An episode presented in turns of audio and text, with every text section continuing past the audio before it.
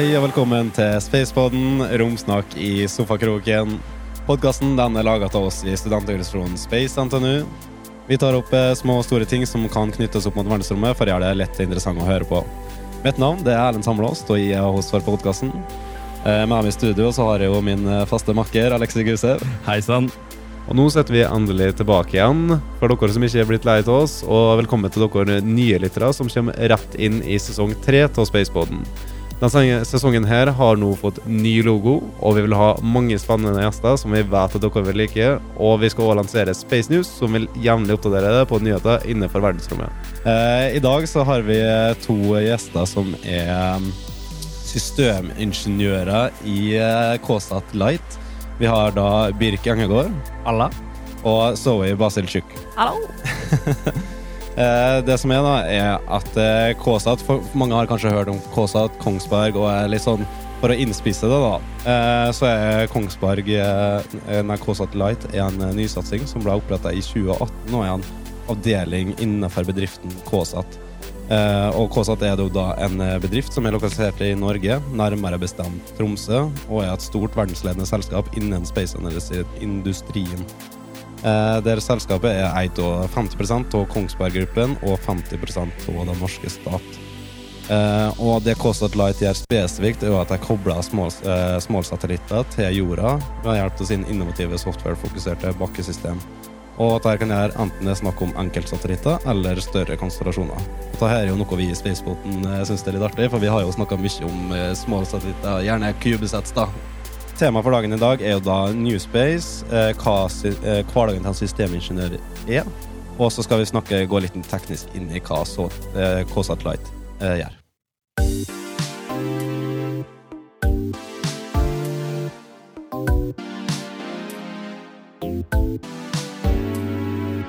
Ja, nå har jo jeg prøvd etter beste evne å forklare hva KSAT Light er, og hva da går jeg driver på med, men jeg syns det er mye bedre å kaste den ballen over på dere. Hva er det KSAT Light gjør? Jeg syns du oppsummerte det veldig bra, men det som er hovedfokuset til KSAT Light, er å standardisere måten vi gjør eh, satellittkommunikasjon på. Så det innebærer at alle antennene våre er helt like, og alt backendet bak antennene, alt som går liksom fra eh, radiobølgene kommer fra satellitten, til det blir en, en, datastrøm som kundene får levert. Det gjøres på samme måte for eh, stort sett alle kunder overalt i hele verden. Og da blir det veldig lett for oss å, å utvikle og skalere, og det blir billig for, for kundene, da, siden vi kan gjøre alt, eh, alt lettere og billigere for oss selv. Ja, for det er akkurat det som er poenget med Litt av forskjellen på Newspace og Oldspace er jo det der med at Newspace handler om å kutte kostnader og gjøre det mer tilgjengelig og bygge flere satellitter og få dem opp i verdensrommet.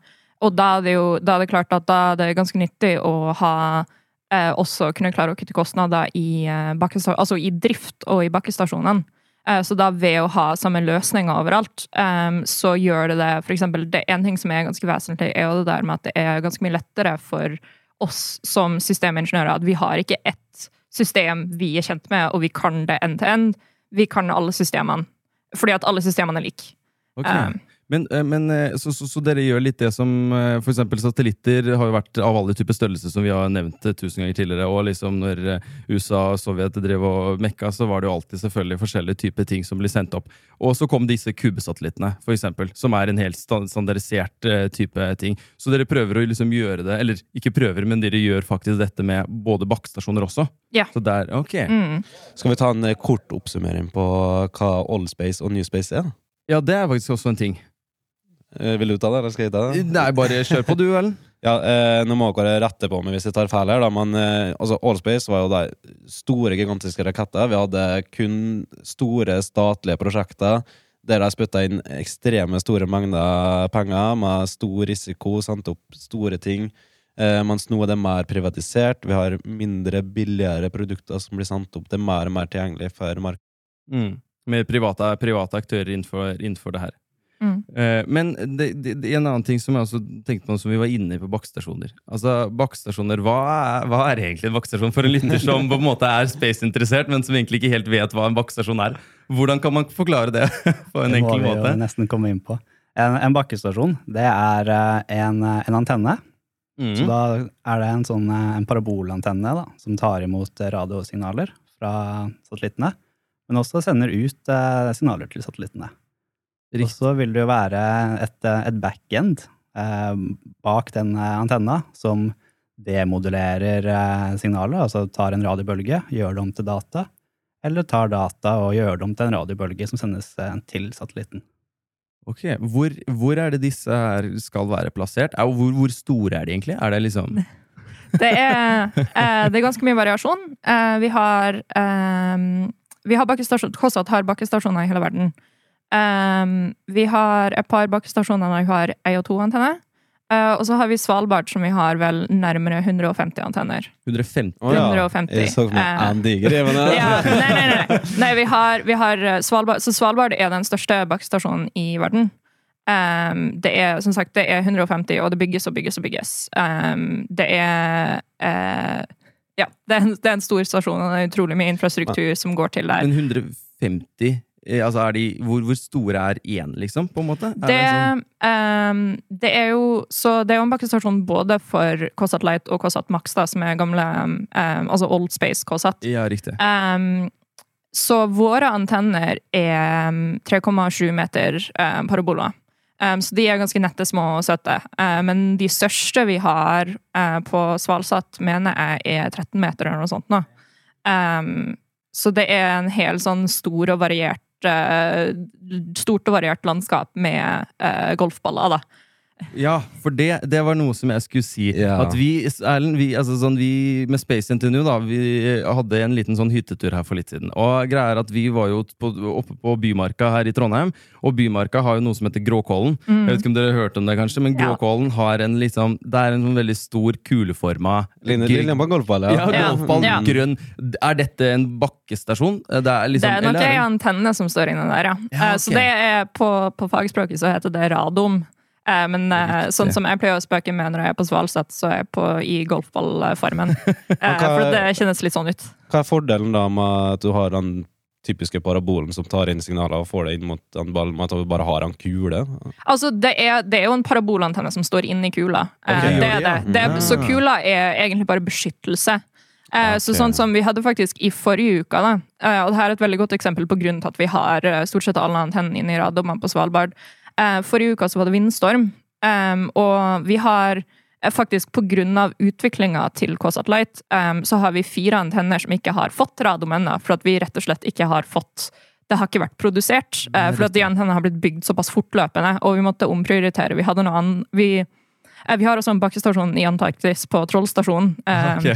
uh, og vi måtte liksom prioritere å sende radioene dit, for der er det virkelig problemet hvis de ikke står uh, beskytta. Men eh, vi hadde en vindstorm i forrige uke, em, og antennen vår er påregna um, kast på 24 meter i sekundet. Uh, vindstyrke. Det, det tåler de fint, men uh, mer begynner det å bli problemer når de står ute til fri. da. Og når de står i denne golfballen, så er de beskytta mot vind. Det er jo helt Um, genialt. Jeg ser Så- for meg den parabolen som bare fyller seg med snø. Altså. For Ja, det var, annet. det var, så det var, vi endte opp med å Så den vindstormen så var det meldt 30 meter i sekundet kast. Uh, Så det måtte, vi måtte gjøre, var rett og slett parkere antennen i La dem stå over natta. De kunne ikke ta pass, eh, fordi at de hadde kommet til å enten bli skada eller eh, Altså, de har jo beskyttelse, beskyttelsesmekanismer som gjør at de går i lås hvis de får for mye vindtrykk på seg. Ja, okay. Um, Men den kan inni der, beveger den seg Mm. ut ifra hva den skal motta og sånn? Ja. ok. Mm. Så si- signalet får bare rett gjennom den øverste, da. Så, Ja. mm, ja, eller det er jo litt Det blir jo litt um, eh, Signaler blir litt påvirka, men de er jo designa for å påvirke signalet minimalt. da.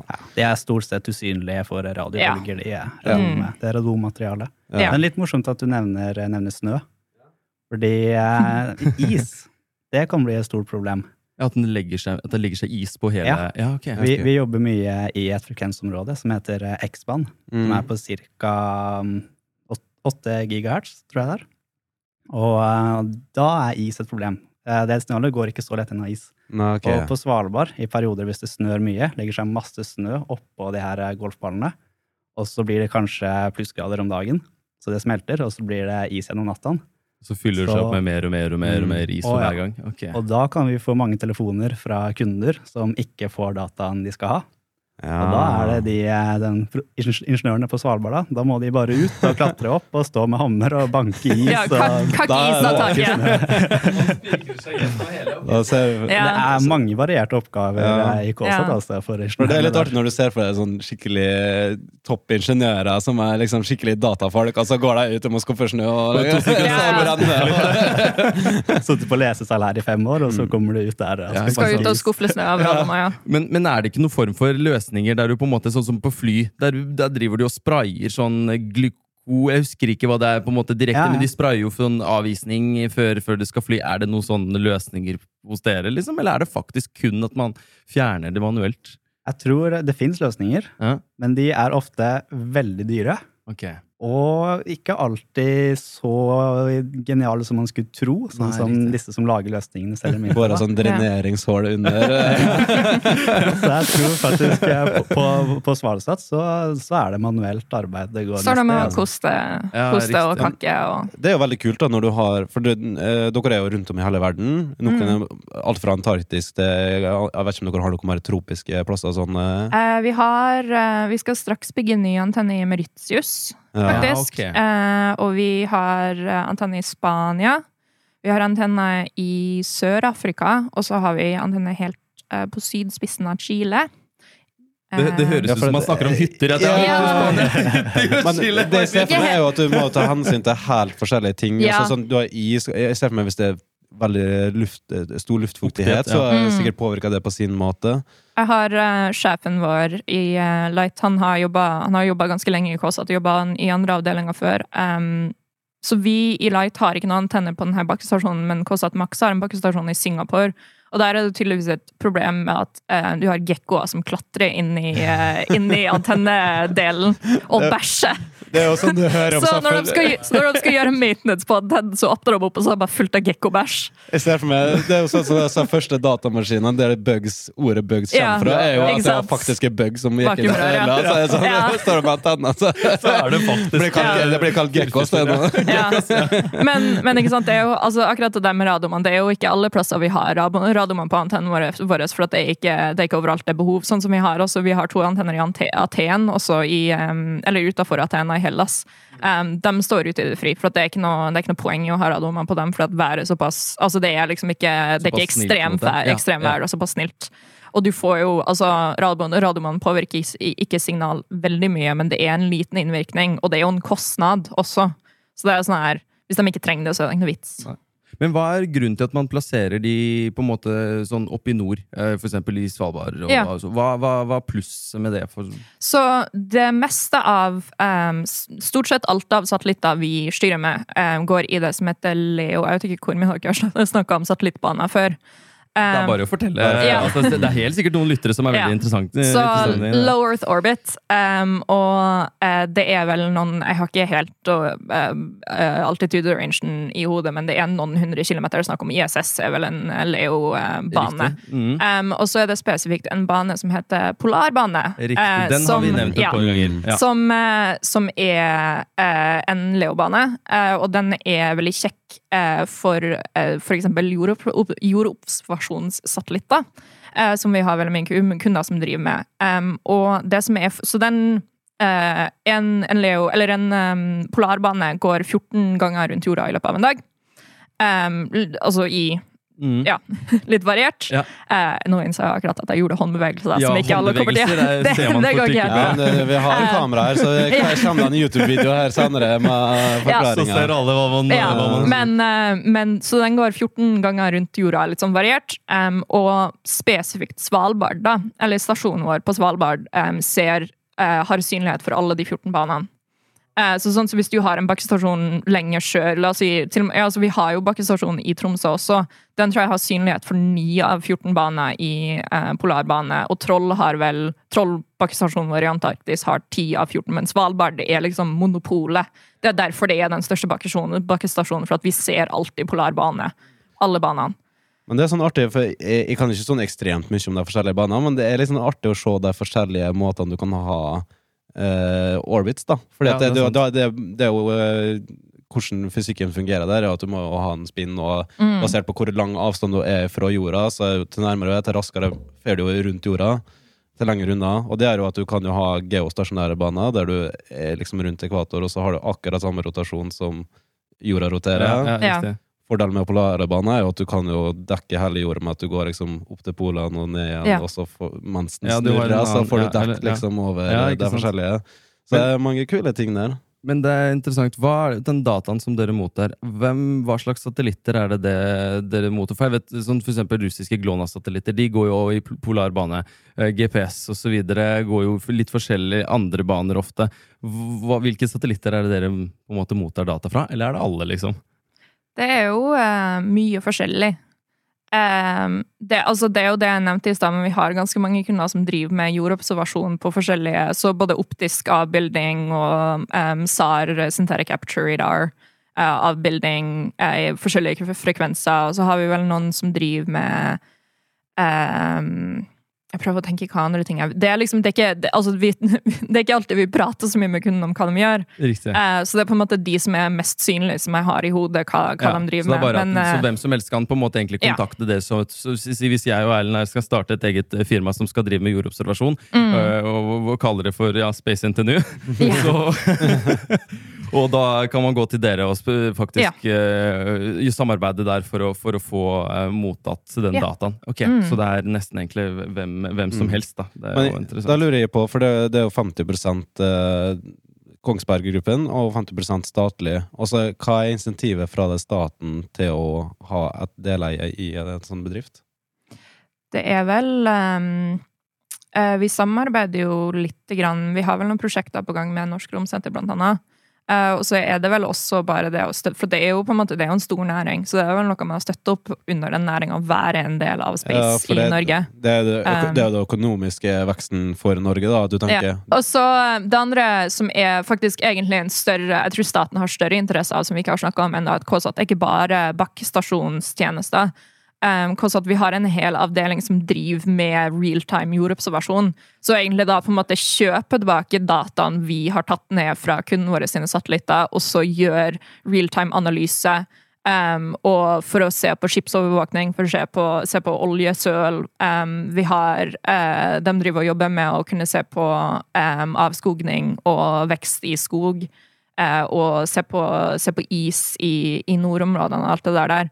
Eh, så det er jo på en måte en helt annen del av KSAT um, som egentlig er jeg vil si, jeg tror kanskje jeg har mer med det statlige og def definitivt mer med på forskninga Mm, um, å gjøre. Riktig. Så det Ja. Ja, for, men eh, eh, sånn eh, Nå har vi jo snakket mye om bakstasjoner eh, og så Generelt sett, leverer dere noe på en måte til faktiske satellitter, eller til raketter, eller noe sånt innenfor det, eller er det mer den connection? Det er jo connection vi driver med, ja. Ja, ok. Um, ja. Så det er ikke noe hoved... Men, men, men når en rakett for eksempel skal lette, si det er fra en Andøya i fremtiden, er, Mm. det, er det noe som på en måte dere den, Det skal være connection, sånn antar jeg, fra raketten ned. Ja.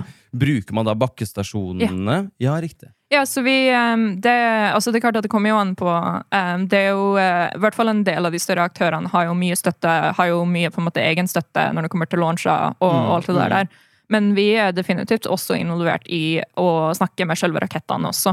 Riktig. Um, Vi jo, vi var jo her på Spaceport Norway, eh, Erlend. Mm. Og eh, de, der var det jo presentasjon fra ISAR Aerospace. Og de skal jo launche rakett der om ikke så veldig lenge fra Andøya, så vidt vi har forstått. Eh, kan dere se for dere at, det er, at dere på en måte kommer til å motta data fra den, eller er det noe helt at de skal drive med sine, sine ting? Jeg vil anta at det blir, eh, blir samarbeid der. mm. Andøya kommer sikkert til å ha helt egne bakkestasjoner som de bruker eh, primært. Og så vil de nok også ha, ha Ja. KSAT eh, stasjoner i tillegg. Ja, ikke sant. Altså, Andøya, Andøya hittil har jo kun drevet med Sounding-raketter. Eh, så det er jo stort sett sånn som eh, de kan snakke med hele veien Eller det har vel For de har vel hatt noen der de skyter over, altså opp til Svalbard. Ja, ja. jeg, jeg studerte i Tromsø, så jeg har vært, jeg har vært en del turer på, på Andøya. Godt kjent. kjent. Ja. jeg, har faktisk, jeg har vært med på studentrakettoppskyting på Andøya også, faktisk. Um, men, eh, men, ja, men når det kommer til at de skal begynne å skyte ting i bane, så er det en god sannsynlighet for at vi kommer til å være mer eh, liksom, direkte involverte, Mm. um, vil jeg si. En, en bakestående, dere sa jo at dere har 150 eller hva det var på Svalbard. På Svalbard, ja. ja. Er det sånn at da er det én bakkestasjon har kun kontakt med én satellitt i gangen? Eh, en antenne. En antenne, ja. Eh, Så i teorien så kan vi ta 150 Eller jeg jeg vet ikke om det er nøyaktig 150 antenner vi har nå for tida, men, men, eh, men vi kan ta like mange pass som det er eh, antenner på bakkestasjonen. Um, så det er jeg, vet, jeg vet ikke om jeg kan si at eh, alle antenner noensinne samtidig har vært i bruk på hele Svalsat, men eh, det, har, det er definitivt perioder, spesielt eh, ikke sant, etter de her store transporterlaunchene, der vi har veldig mange satellitter som er akkurat launcha og går i samme bane, så har vi gjerne samtlige light-antenner tar pass samtidig. ja ok. Eh, det, det, så vi kan ta Nå, nå har jeg, jeg vet ikke hva, jeg husker faktisk ikke hvor mange light-antenner vi har der oppe i hodet. Eh, men, eh, men det er jo snakk om sånn 10-15 pass som går Uh, Men i, i leier du da på en måte i den tidsperioden du er i det siktet, da, og så kommer det kanskje en satellitt bak deg som tar Ja. over når du er ferdig? Ja. Så når vi sier pass, så mener vi på en måte en synlighet for en spesifikk satellitt. Og da, da har de på en måte da, da, ja, da har de den tida Og de trenger, altså kunder trenger ikke faktisk å booke hele tida, så satellittene er synlige hele tiden. Har noen kunder som gjerne bare tar liksom typ fem minutter når den er høyest oppe, når den er nærmest um, eh, liksom, Altså, burde ikke egentlig apogé, men apogé på, på, på um, dishen, da. Um, og så kan, kan nestemann bare ta over, og da vil jo antenna bare få beskjed om at ok, nå skal jeg peke en annen plass. Mm, mm. Mm. En, en, altså, vi har jo nå på en måte snakket mye om det tekniske og bakstasjoner og satellitter og alt sånt. Men så nevnte du jo det med Allspace og Newspace og sånt. da. Og det er jo alltid en litt sånn morsom ting eh, som har på en måte i det siste Elon Musk har jo kommet fram, og liksom det er jo veldig veldig stort. da. Og vekst liksom innenfor sånne private selskaper skaper jo alltid, skaper alltid noen sånne feiltagelser. Eh, eller folk kan begynne å tenke litt sånn, eh, litt sånn rare ting. Og da toppen eh, av dette er liksom en sånn komisk debatt da, som har eh, kommet opp i det siste, og er liksom for eksempel, hva tenker dere? Elon Musk, er han en superhelt, eller er han en superskurk?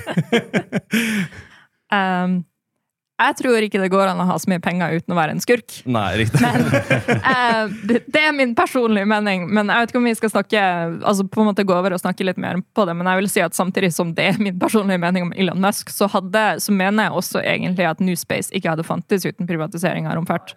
Uh, så det er jo for på en måte For industri og for uh, Altså for for jobbene våre så er det jo fantastisk. Eh, og også for eh, på en måte utviklinga av rombransjen så er, har privatiseringa vært superviktig. Ikke sant. Men har, har Norge på en måte egentlig altså Norge har på en måte begynt med mer og mer av privatiseringen, det ser vi jo på en måte. Men uh, Oldspace og Newspace, er det noe skille mellom dem i Norge? Ser man det klart? Eller er det noe Oldspace i det hele tatt som er igjen uh, her i Norge? Er det det? Det er jo fortsatt uh, mye Oldspace. altså oppdrag som krever eh, større antenner, som kanskje ikke er i den eh, Leo-banen. Da vil du kanskje trenge en 13 meters antenne i stedet for eh, 3,7. Og kanskje at du er mer avhengig av en spesialisert løsning. da. Kanskje den standardløsninga som Light eh, tilbyr, ikke passer for dette større missionet. Da vil de trenge en customized løsning, da, som vi har i, i KSAT Max. Ja, ok. Og KSAT Max det var på en måte den Oldspacen som du snakket om, som var mer eh, Ja. De, eh, den avdelinga har, de har større antenner, og de har mer rom for å utvikle nye løsninger og tilpasse seg hva kunden eh, ber om. da. Ok. Så det er ikke så veldig standardisert, men er mer levert Stemmer. for Ja, ok. Da, da får de en spesialløsning. Jeg pleier å forklare på en måte, forskjellen på Light og Max da, på at um, når det kommer til Oldspace og Cosm- Max, så kommer kunden og sier hei, her er satellitten vår, eh, fiks noe så vi kan prate med den. Eh, og så kan det gjerne finne på å bygges en egen antenne. Eh, det blir helt radioer som, som kan være opptil helt spesialdesigna for å spesifikt ha downlink på den, den satellitten. Eh, og det blir på en måte det er kun den antenna som kan kjøre Som kan ta imot data fra den satellitten. Eh, mens med oss så er det heller sånn at kunden eh, sier hei, vi er interessert i å bruke dere, og så sender vi dem et Excel-ark med, med informasjon om det her er de eh, forskjellige modulasjonene vi kan støtte, det her er de forskjellige unkodingtypene vi kan støtte. Eh, og så kjører vi en eh, Helst før launch kjører vi en test der, dem der vi sender dem et sånt kit. eh, det, vi kaller det suitcase. Vi sender dem et kit med utstyr.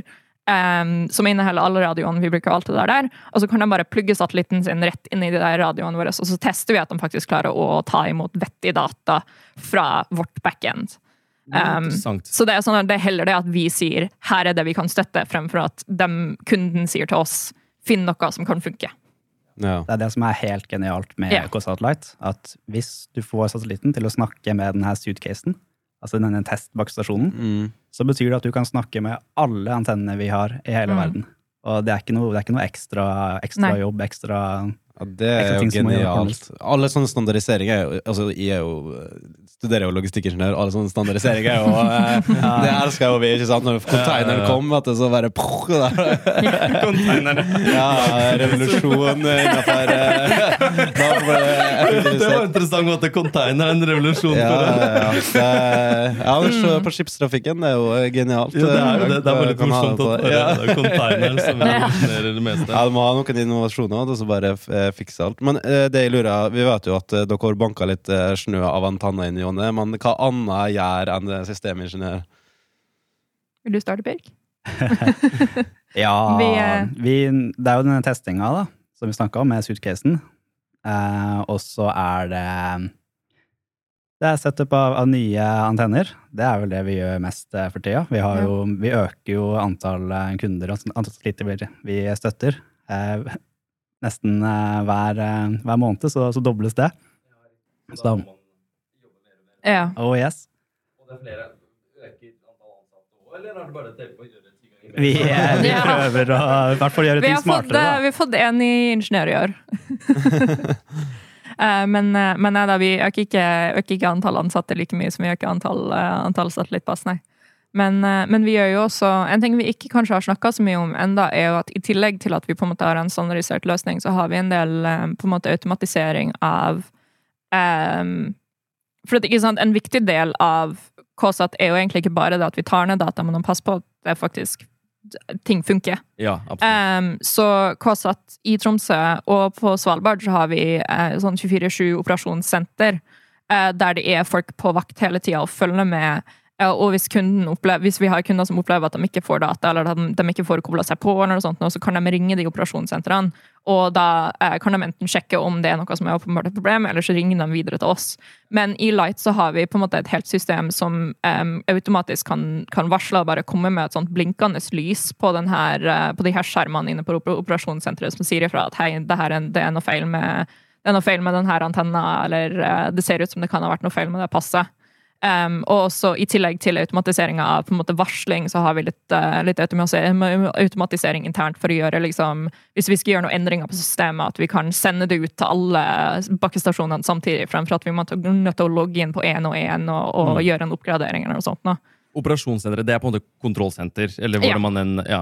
Har dere mange av dem, eller er det ett stort et sted? Det er uh, en i Tromsø, og så er det en på Svalbard.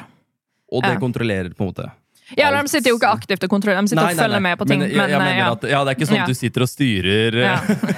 med spaker og, og kontroller. Det, det, men jeg tenkte liksom det er der på en måte de kontrollerer og passer på at uh, Ja, så de, eh, og de jobber i skift. Eh, Så det er kontrollerlig. Det er sånn 12 timer. På, på, I Tromsø så er det 12 timers skift, også på Svalbard så er det 24 timers skift. Um, og Er det ingeniører som jobber der, eller er det på en måte Eller, hvordan, eller er det systemingeniør? Hvem, hvem er det som på en måte har disse, disse jobbene? det er vel eh, en egen tittel som heter driftsingeniør, okay, en som styrer med det.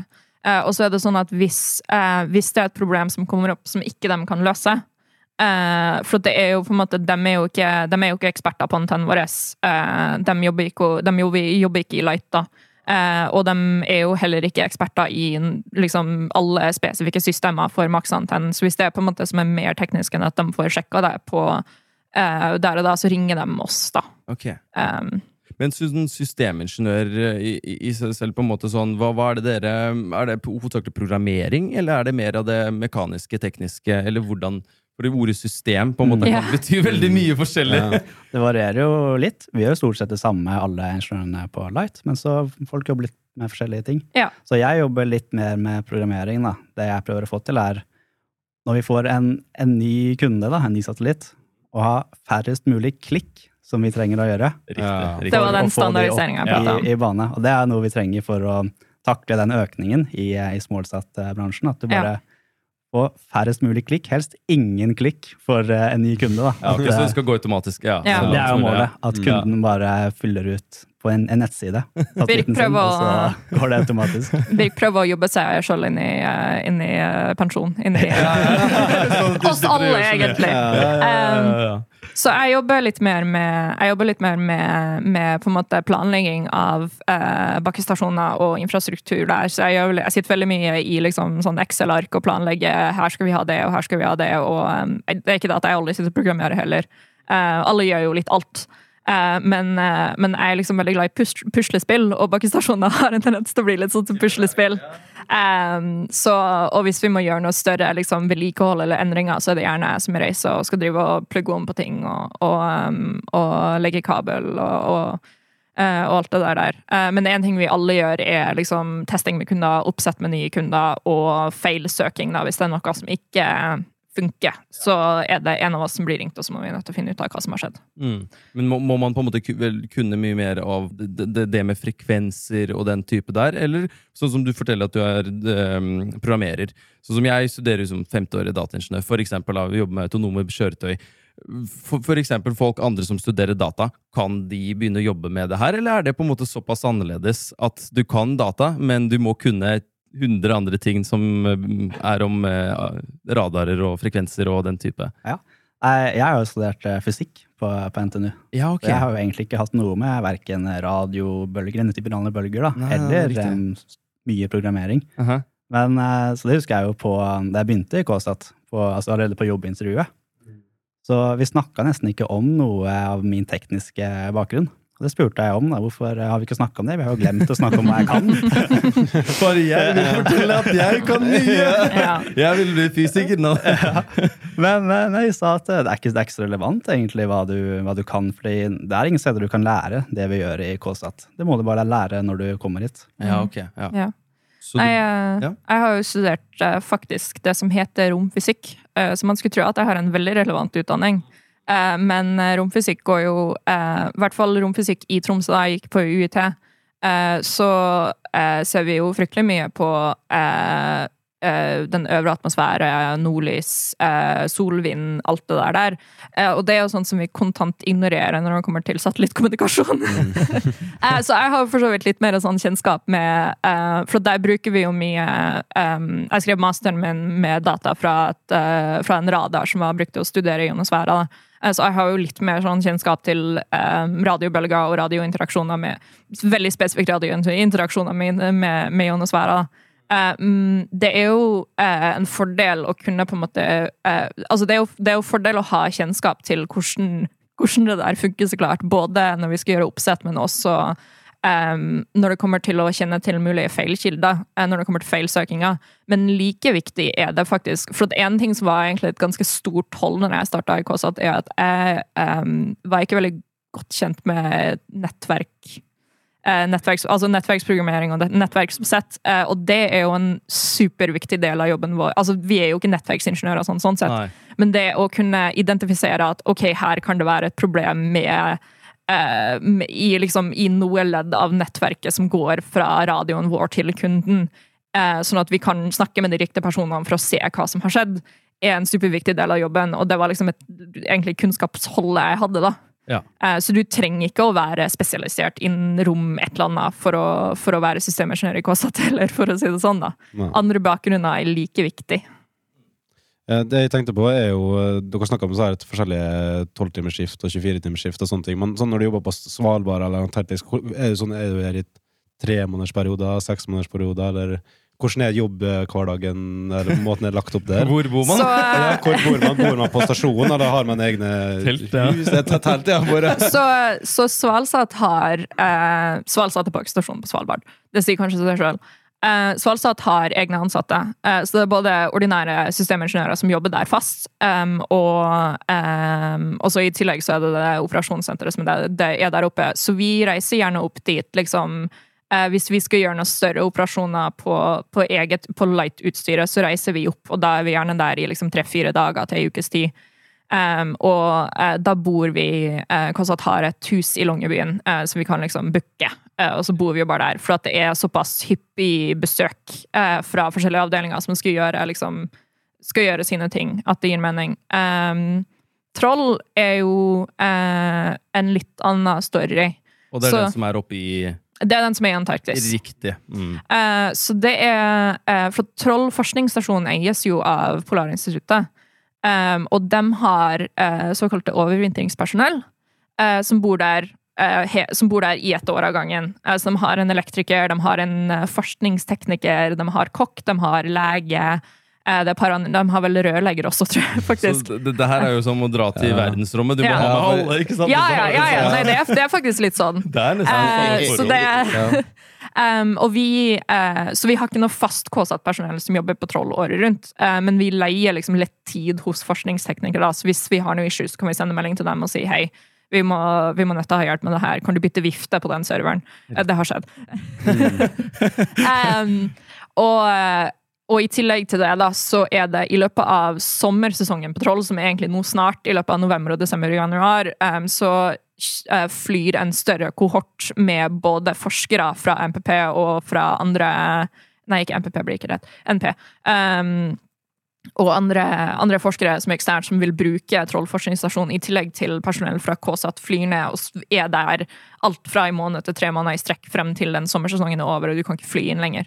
Men hvordan, eh, hvordan er det å på en måte være der så lenge? Det, det, det, hva enn skal man gjøre der, liksom? På en måte? Uh, jeg har ikke sånn vært der sjøl. sitter bare og drikker sammen med Jeg har ikke vært der sjøl, så jeg kan, ikke, jeg kan ikke si så mye om det. Men, eh, men de som er der for sommersesongen, da, for de en, to, tre månedene, eh, det er stort sett veldig mye å gjøre. Eh, Så jeg tror man jobber veldig veldig intensivt. For det er både eh, Det er gjerne mye bygging og vedlikehold og ditten og datten som skal gjøres, i tillegg til at fordi at, ikke sant, over, Som jeg nevnte, overvintringspersonell skiftes ut hvert år. Eh, Så det er også opplæring av ny overvintringspersonell. da. Eh, og det tar jo forrige sesongs overvintringspersonell så klart litt seg av også, men det er jo opp til KSAT å passe på at forskningstekniker kan det han trenger å vite om antennen vår for for å kunne hjelpe. da. Um, og for de som skal være der hele året uh, Jeg kjenner han som skal være forskningstekniker i år uh, fra før. Uh, han, han nevnte det at altså, de må gå, de må gå bredkurs. Uh, de, må gå, de må lære seg å operere flyplass. Ja, og brann. Og de går også de må ta sånn her kurs i gruppepsykologi. For at, sant, du er jo, du er jo fem-seks stykker isolert Ja. på en helt helt øde plass uten noe vei Og, altså, Eller det, de, kan, de, har vel, de har vel mulighet til å liksom reise litt rundt. Jeg tror det er noen hytter i området de kan dra til, så de kan jo komme seg unna selve stasjonen. Mm, Men uh, trollet er også kjent for å ikke ha det beste været i hele verden, så det er store perioder der man er stuck inne med liksom, den gjengen Det fem andre. er litt artig, for det, når koronautbruddet skjøt ut for fullt, og liksom hele jorda ble isolert, så endte jo da opp de som for til Antarktis akkurat den perioden. Det var den mest sosiale plassen du kunne være. Fordi det var, det, der var det, ikke kom, det var eneste Ja, ikke plassen der det ikke var smitteutbrudd. Mm. Og folk kunne sitte i lag i samme rom. Så der liksom sånn, jeg så en egen reportasje der de satt liksom bare sånn Ja. Ja, vi sitter her og spiller kort, og så var alle liksom låst inn på egne rom og måtte ha Mm. full isolasjon på alle sammen. Så det er jo litt artig at du stikker dit for å være forberedt på at du skal være mest isolerte fra alle på jorda, til at du er mest sosiale. Ja.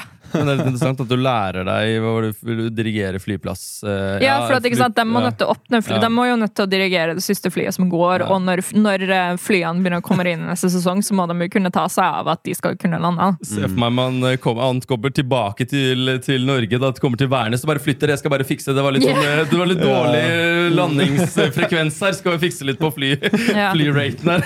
Så det, det er sånn som på bygda. Det er sånn politiet på postmann og eh, pilot og Så, sånn, hvem er det du skal få elektriker tak i? Ja. Det er han- Det er han samme, ja. Når du får telefon, bare Ja, litt øyeblikk, og så tar han på seg barten, da, så Nå er jeg postmann. Ja, det er veldig sant. Mm. Ja, men det, det ser ut som vi har kommet oss eh, gjennom det meste, egentlig. Eh, og da tror jeg at vi er på tide å runde av, rett og slett. Så eh, eh, tusen takk til dere som hørte på, og tusen takk til dere to, Birk og Zoe, for at dere kom hit til oss i dag. Eh, og så vil jeg jo bare si at eh, Spaceboden er som sagt tilgjengelig på din eh, foretrukne strømmetjeneste for podkast. Eh, og vil vite mer om Space NTNU, så sjekk oss ut på nettsida vår ntnuspace.no. Eh, ellers så kan du jo sjekke ut eh, mer om oss. På, vi er jo ganske aktive på våre sosiale medier, så sjekk ut Facebook, Instagram, YouTube, TikTok, LinkedIn, you name it. Det var det vi hadde. Takk for oss.